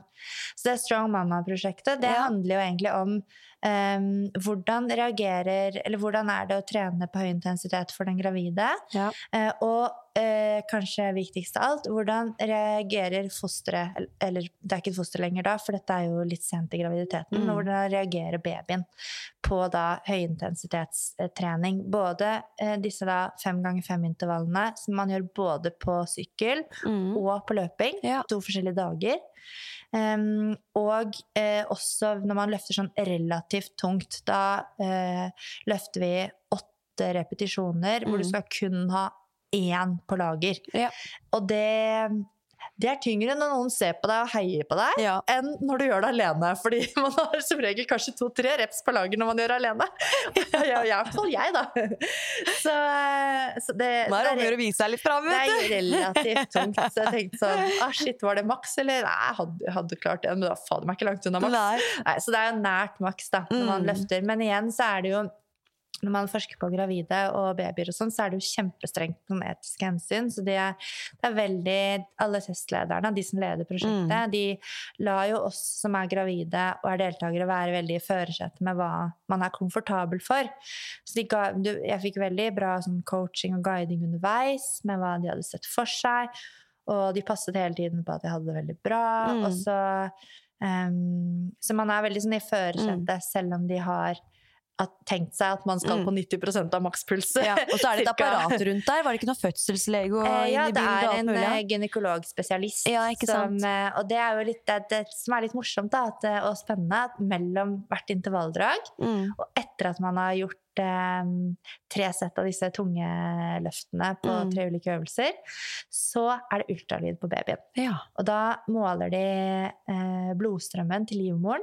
Så jeg måles jo liksom i min lyske Mm. eh, med sånn spesielt eh, Det krever veldig spesiell ultralydkompetanse. Er Ikke så mange som kan gjøre det, Mm. dette her, men da måler de det med mm, blodstrømmen da inn til livmoren. Mm. For den sier jo noe Mm. om hvor mye blod og oksygen som blir tilbudt babyen. Ja. Eh, Når og du har høy puls. Ja. Ja. Så det var liksom rett av mølla, rett inn på benken, Ja. på med ultralyden. Og så tok de også eh, sånn blodlaktatprøve for å se Mm. på eh, Mange kjenner kanskje laktat mer som sånn eh, kaller det for melkesyre, men i hvert fall måler litt, litt Det måler kanskje en slags grad av anstrengelse hos meg, da, selv om det er veldig individuelt hva det lander på. Men først og fremst så er det jo liksom Hvordan er babyens puls? Ja. Eh, For pulsen sier noe om trivselen til babyen og hvor stressa den eventuelt er eller ikke er. Mm. Eh, og så det sammen med da eh, blodstrømsmålingene. Og så er det masse sånn indekser og målinger og ting de gjør som ikke er har noe peiling på. Ja. Men det er i hvert fall dette jeg har fått med meg. Mm. Så dere får jo få Emilie, som er eh, stipendiat på Ja, prosjektet her, inn når når de nærmer seg å ha noen resultater, kanskje. Ja, det har vært veldig spennende. Eh, men det er i hvert fall eh, Og der Jeg kan jo bare snakke om det som er mine resultater, som ikke er publisert, men som jeg vet om. Mm. Og det er jo at på løpingen så hadde han høyere puls enn på syklingen. Men det er ganske naturlige årsaker, fordi at jeg har også en lavere makspuls på sykling Mm. enn jeg har på løping. Eh, og jeg sykler bare for transport, ikke for trening, så jeg er Mm. ikke liksom godt nok sykkeltrent til å komme opp i den samme liksom, ventilasjonen og eh, pulsen. Mm. Eh, for puls er jo bevegelses... Eller makspuls er bevegelsesspesifikt. Mm. Så det er helt naturlig at da ligger alt litt lavere på sykkel for meg enn på løp.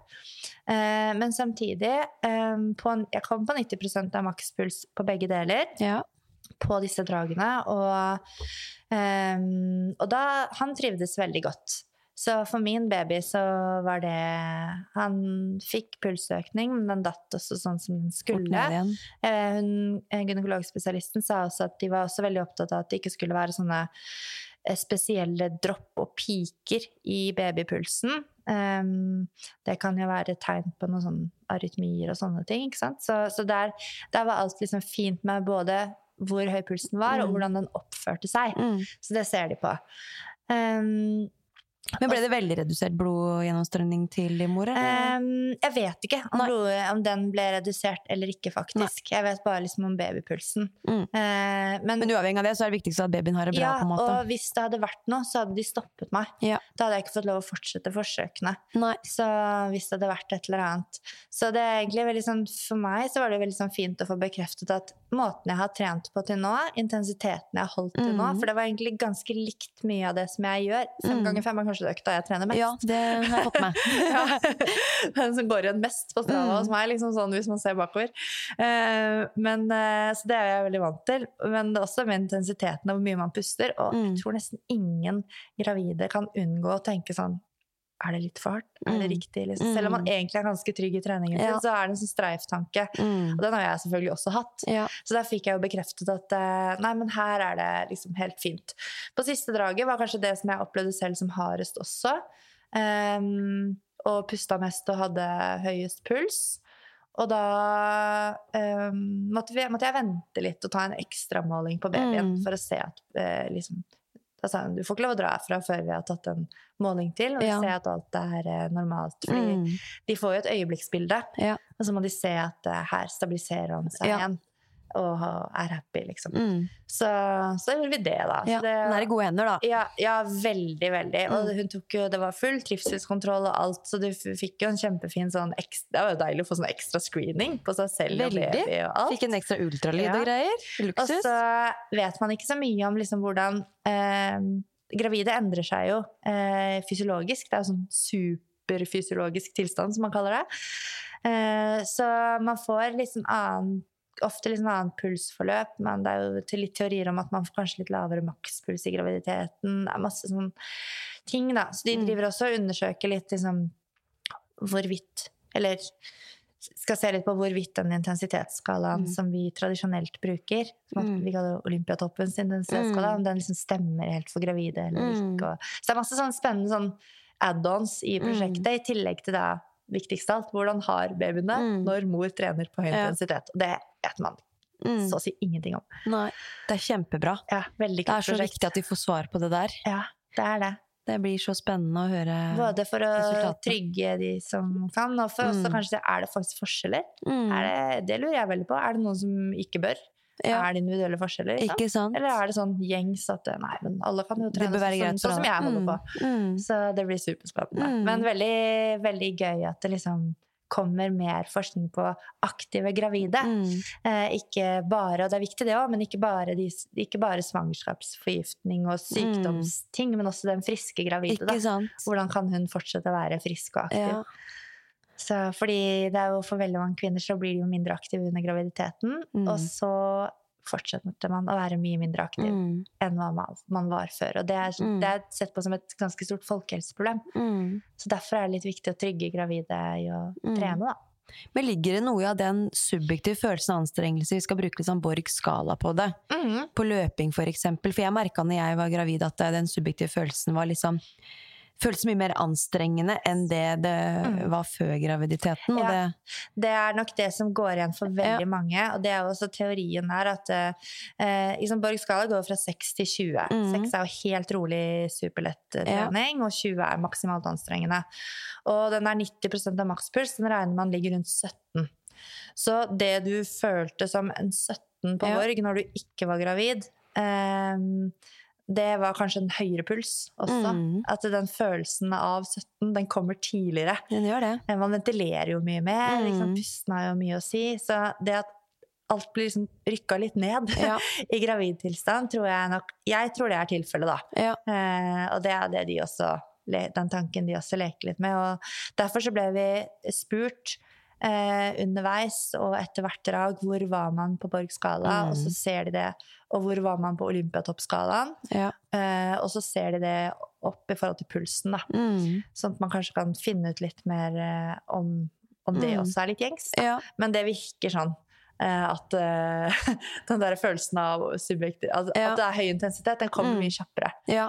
Men det som er fint da, er jo sånn Ja, det er like greit, egentlig. Ja. Fordi du får jo faktisk nesten like gode Eller du får like gode effekter av å trene litt litt, på litt lavere intensitet Ja. som gravid. gravid Og da tenker jeg at det er ikke noe vits i å pushe noe mer der Nei. og få det enda mer Kall det jævlig subjektivt sett, trenger kanskje ikke det, ikke sant? Nei. fordi du har så mye blodvolum. mm. På Mm. utholdenhet spesifikt, da. Ja. Uh, så, så har du så mye blodvolum, og det Mm. blir, er noen endringer i hjertet, og liksom ting som Mm. skjer som gir deg noen fordeler uansett. Så Mm. du kan jo trene på moderat intensitet og liksom få høyintensitetseffekter, nærmest. Så Ja. det er ganske kult, da. Ja, det er veldig kult. Ja. Så det, det er også litt Og sånn derfor så viktig, da. Ja. At man kanskje gjør litt av det i graviditeten. Da. Ja, det kan i hvert fall bidra til at uh, man, det er litt sånn, ting er litt lettere etterpå, da. Mm, det er det. Få litt igjen for det. Mhm. Men eh, sånn som med deg og treningen da videre etter fødselen. Ja. Sitter du nå og liksom kribler i Ja. etter å komme i gang, og nå er det rett i skispor igjen, og Jeg har satsing og kriblet eh, fra sånn start, nesten. Du har det, ja? Ja, eh, jeg syns jo det er, sånn, Graviditet er flott på sin måte, men jeg er ikke hun som digger hardt å gå rundt og være gravid.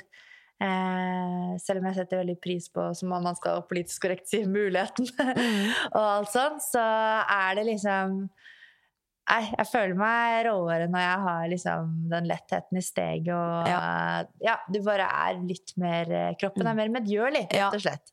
Så jeg har allerede liksom Å, gleder meg til etterpå og lurer på hvordan det blir. Mm. Jeg vet ikke hvordan fødselen kommer til å Nei. gå, eller, og nå er jo disse bekkenleddsmertene, men som jeg er veldig sånn Det skal jeg fikse, liksom. Mm. eh, innstilt på det. Ja. Um, så, men planen min etter uh, fødsel er jo at jeg skal konkurrere ganske raskt. Um, ja. at jeg skal liksom, Nå har jeg, ter jeg har termin 20. oktober. Ja. Eh, og eh, rundt sånn 9.-12. desember så skal jeg gå skirenn. Da skal du gå skirenn, Ja. rett og slett. Men eh, da skal jeg si det er bare i gåseøyne skirenn. Fordi hadde dette vært et løp, Mm. eller hadde det vært tunge løft, så hadde jeg ikke gjort det. Eh, langrenn er jo en sånn low impact-idrett. Det er veldig eh, hardt for både lunger og hjerte, Mm. og, og også muskulatur, men når det gjelder liksom leddstrukturer og sånn Ja. Og jeg har veldig god erfaring med forrige graviditet, så gikk jeg jo veldig mye på ski. Det var litt sånn annet årshjul på den graviditeten. Og um, kom også veldig raskt i gang på rulleski etterpå. Mm. Det er ganske skånsomt, faktisk. Ja. Eh, så, men det er ikke noe sånn krav og forventning til at jeg skal gå så fryktelig fort. Um, men Det er bare det eh, startnummeret som trigger deg første ja, gang, kanskje? mer bare, jeg har bare lyst til å komme i gang og bare Mm. være i det. Og jeg Ja. må jo liksom ha med meg baby, og det blir jo et helvetes rigg. Ja, Men, eh, men, ja, men samtidig igjen, da, så er det litt sånn Hvis jeg får det til Det er som med alle andre mål. Hvis jeg får det Mm. til, så blir det en enorm Ja, det det. Så det er jo også vel så mye triggeren. Mm. Det å, å se om man kan få det til. Mm. Hele pakka. Ja. Eh, like mye som det å, bare, å komme i gang. Mm. Jeg stresser ikke med å komme i gang med f.eks. løping, er noe jeg gleder meg aller mest til å komme tilbake Ja. til. Men, men der må jeg Og det kan godt være at jeg kan løpe etter noen få uker igjen. Mm. Eh, så kan det godt være at det tar lengre tid. Mm. Og der vil jeg heller legge liksom, et skikkelig godt fundament Mm. for at jeg skal kunne løpe sånn som jeg har lyst til om enda flere måneder igjen. Mm. Eh, ikke liksom gå på en smell, Mm. eh, for da blir man jo bare satt tilbake. Ja. Så, så jeg er veldig sånn, jeg kommer til å ligge på gulvet og gjøre mine pusteøvelser og Mm. knipeøvelser og se ut som man ikke trener en dritt. Ja, den må Ja. skje. Ja, den må skje all absolutt etterpå. Mm. Så, mm, så jeg, ja, foreløpig så har jo dette, denne graviditeten lignet ganske mye på den forrige, med Ja. unntak av de siste 48 timene. Mm. Spennende å se fremover. Eh, men planen er at jeg skal gå og konkurrere ganske raskt. Mm. Og så hvor mye jeg kommer til å konkurrere den sesongen her på ski, det, det tar jeg bare på hælen, Ja. rett og slett. For det har veldig mye med babylogistikk og reisende mann å gjøre. Mer enn kanskje For jeg har ikke noen problemer med å gå dårlig i et skirenn. Altså at prestasjonen ikke er Mm. så god for jeg ikke er så god form. Jeg kan synes det er veldig gøy likevel. Mm. Og så er det en måte å komme i form på. Ja. Så, så jeg har ikke noe sånn kjempe Det er klart man blir stoltere av seg selv når man presterer. Altså det er jo ekstra gøy Ja, når du har gode tider og, og liksom du, du slår deg selv, og du Mm. syns det Ja, klarer å slå noen andre òg, kanskje. Uh, Men, men det er ikke noe sånn ja, jeg kan helt fint stille opp i et skirenn og vite at eh, nå blir jeg langt bak. Mm. Men det går helt greit, fordi Mm. jeg er i hvert fall her og går. Ja. Og det kommer til å ta meg fremover. Bare det i seg selv. ja, du kan bare tenke på Jeg, jeg fødte faktisk i oktober. Ja, ja, hvem andre har Du gjort kan det? lene deg på den litt, da. Det er ikke så nøye. Det er bare rått å være ikke buse bus i liksom. nesa i forgårs, liksom, som gjorde at det ikke går så fort i dag. Så det er litt mer å skylde på enn smørebom òg, liksom. Absolutt. Ja. Nei, Men eh, så- hvis alt går som det skal sånn fysisk sett, da, at liksom, kroppen kjennes veldig god ut etter fødsel og ikke noe vondter, har du da allerede planen klar, liksom? For hva du skal gjøre, når du skal gjøre og uh, nei, det har jeg ikke. Eh, jeg har nesten Nesten slutta med å ha treningsplan, men det har mye med sånn hverdagen og uforutsigbarheter å gjøre. Og så har jeg også funnet ut at uh, i en graviditet så nytter det lite å ha treningsplan, for du vet aldri hvordan dagsformen er. Mm. Og du vet heller ikke det helt etter fødsel, og Nei. ikke vet jeg hva slags baby jeg får. Men jeg har en sånn overordnet Mm. plan, og det er at jeg skal gjøre bekkenbunnsøvelser. Mm. Eh, og så skal jeg sannsynligvis også hive meg med på eh, core and floor-treningen til Hedvig Bang, Ja. som jo er også en eh, profil innenfor Mm. med trening før, under og etter graviditet. ja. Eh, det gjorde jeg forrige runde, Ja. eh, og det var sånn digg å bare følge de programmene. Jeg Mm. har jo litt kursing i sånn post og prenatal trening selv, Mm. um, så, så de, liksom eh, Jeg kjenner jo um, ja, jeg gjenkjenner liksom veldig høy kvalitet i det hun gjør, da. Ja. Så der syns jeg liksom det er fint å outsource litt også hva man skal gjøre, Mm. og bare ikke måtte tenke opp øktene selv. For jeg Ja. vet at det kommer til å være en fase at det er ikke den kreativiteten på plass.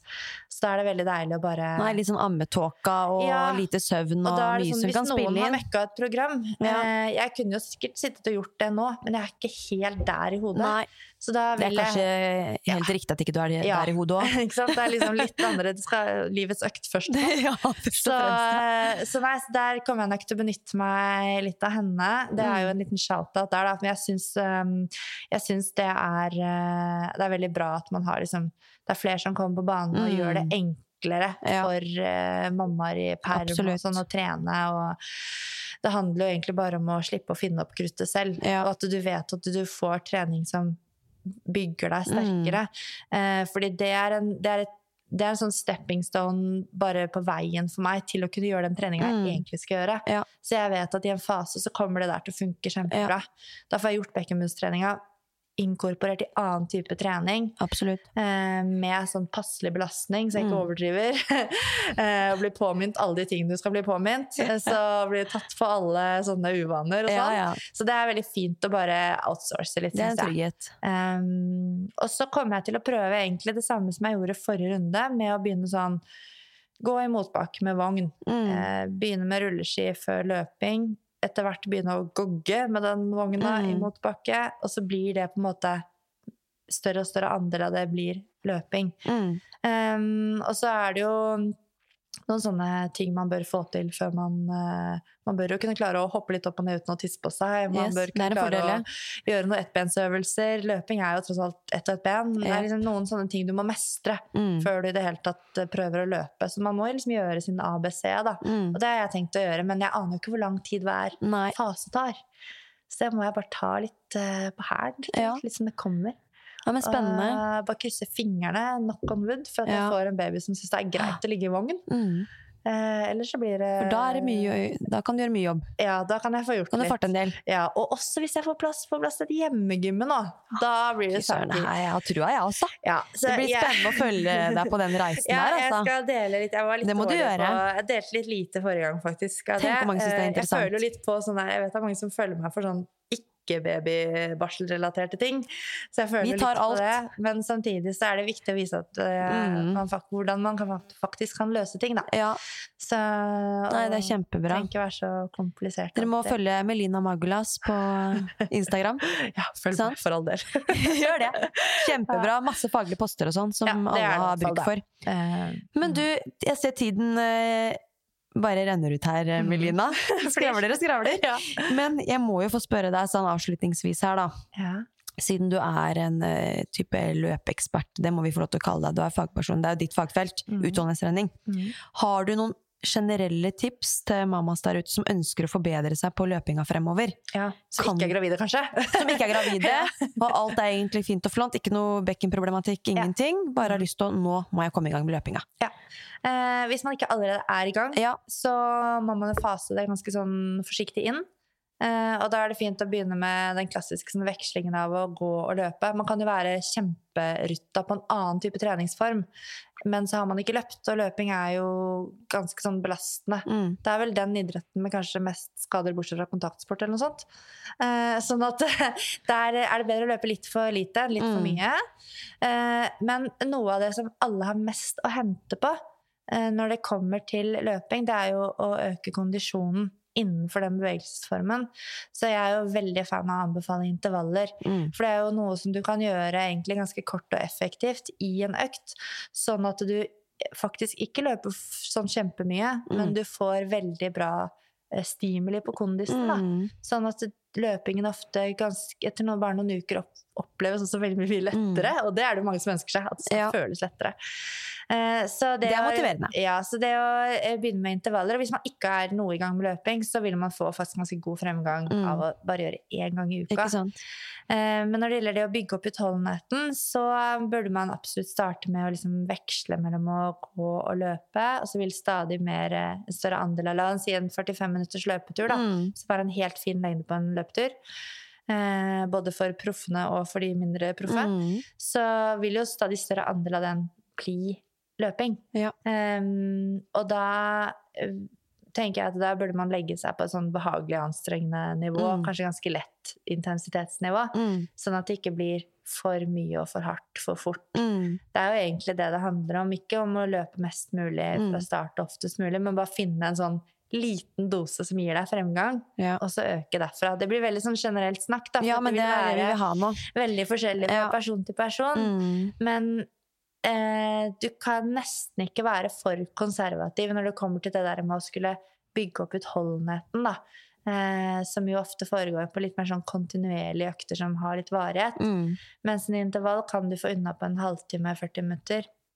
Og Ja. der har du litt sånn eh, variasjon i intensitet og Mm. pauser og litt sånn vekslinger, da. Eh, og så mm, Nei, man må jo bare begynne da, og få Mm. noen erfaringer. Eh, men det å ha en sånn Kanskje i hvert fall én til to intensive økter i uken vil gi veldig god fremgang veldig Ja. lenge. eh, og hvis man har anledning til noe mer, så kan man jo ta seg en sånn rolig, Mm. rolig litt Så du anbefaler to intensive Mm. fremfor én rolig langtur og én intervall? Eller det Eh, kommer helt an på, ja, selvfølgelig, ja, men hvis kondisjonen er målet, da, så er det Ja, og det er der de fleste har mest å Mm, hente. det er veldig riktig. få som har liksom maksa ut kondisjonstallet sitt. Mm. Uh, og det er litt sånn, får du bedre kondisjon Altså, alt i livet går lettere. Ja, det gjør det, altså. det, det gjør det. Mm. Så, og man får jo, det er liksom det viktigste som helseparameter. Og hvis Ja. man vil gjøre noe løping, hvis man vil gjøre det som en sånn greie for helsa, Mm. så er kondisjon det viktigste. Ja. Men hvis man tenker sånn ah, lyst til å løpe 10 km, Mm. lyst til å kanskje halvmaraton. halvmaraton, Mm. da kommer du ikke unna å måtte Nei. gjøre litt sånn, sånn langkjøringsøkter. Og det er det liksom volumet på de langkjøringene, det er ofte det som liksom bikker deg inn eller ut fra overbelastningsskade. Yes, det er en Eh, hårfin balansegang der, hårfin altså. balansegang. Det er nesten som å få litt hjelp Ja. av fagpersoner. Det kan være lurt, men Mm. jeg tror i hvert fall sånn Hvis du hele tiden lurer hvis du, hvis du går og lurer på om du løper litt for lite, så er det kanskje akkurat riktig. Ja, det er det. For å si det sånn. Mm. Det, det er ikke så, så mye som skal til hvis man ikke har Nei. gjort noe sånn systematisk eh, løpetrening før. Nei. Og de som driver med idrett på høyt nivå, de går, i, de, går de også på løpetur i motbakker og For å holde, holde, ja, holde sonen sin også, da. Ja, Det ikke skal bli for det er nettopp det. over viss puls og Ja, sånn. og for de fleste, så, eller for mange, så fungerer det også veldig bra å liksom trene enten rolig eller hardt. Mm. Og det gir en sånn fin sånn struktur og variasjon på treninga. Og så er det ikke noe gærent i å ta en halvhard tur innimellom. Nei. Men da bør du liksom ha herdet beina dine såpass med løping at du vet at du tåler å løpe halvhardt i 40, 30 eller 20 minutter Mm. Yes. kontinuerlig. Det er litt noe annet enn intervall. Det blir det. Så det er jo i hvert fall noen sånne, noen sånne kjappe Mm. råd der, da. Ja.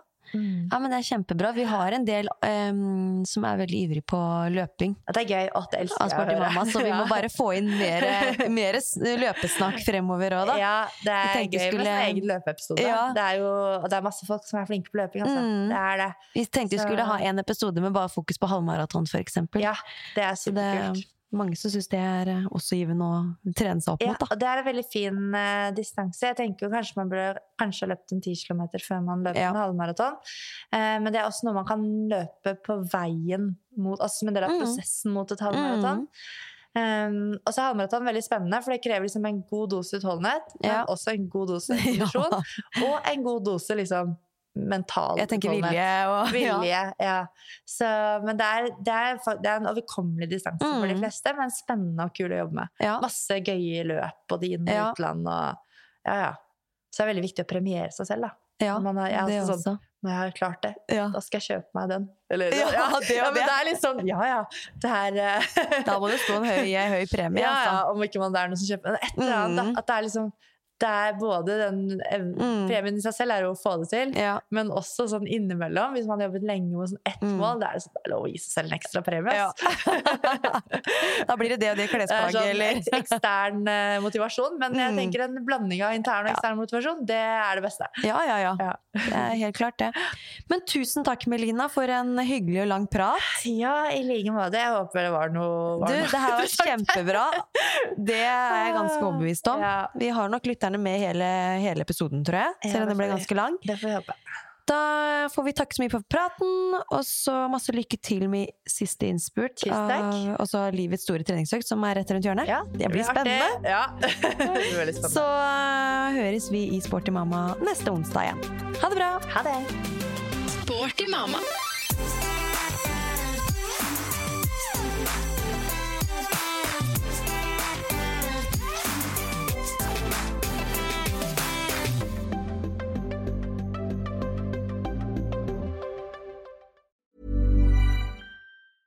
Hey, it's Paige DeSorbo from Giggly Squad. High quality fashion without the price tag. Say hello to Quince.